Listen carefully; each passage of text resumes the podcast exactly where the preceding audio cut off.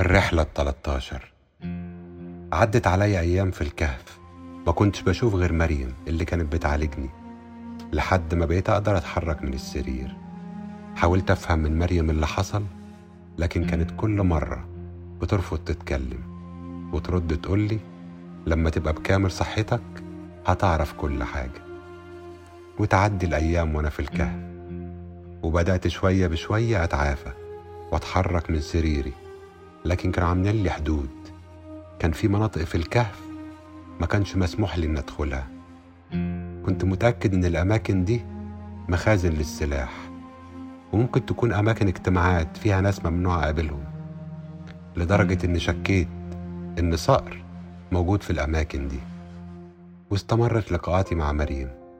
كانت بتجيب لي كل يوم كتب أقراها عشان أتسلى في الحبس اللي أنا فيه ده.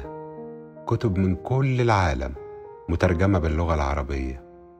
وكنا بنقعد نتناقش بالساعات أنا ومريم في اللي مكتوب في الكتب دي. وفي يوم جابت لي كتاب فيه قصة رومانسية. سبت الكتاب كذا يوم مش عاوز أقراه. ما كنتش الشخص الرومانسي اللي ممكن يهتم بالنوعية دي من الكتب.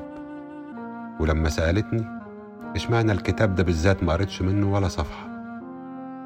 شرحت لها طبيعة شخصيتي. أنا حياتي كلها شغل وبس. المشاعر ما كانش ليها دور في حياتي من زمان. يومها عرضت عليا إنها تقرأ لي وأنا أسمعها. وافقت. إحراج منها مش أكتر. وبالفعل بدأت تقرا بمنتهى الحماس. كأن كيانها كله عايش جوه القصة.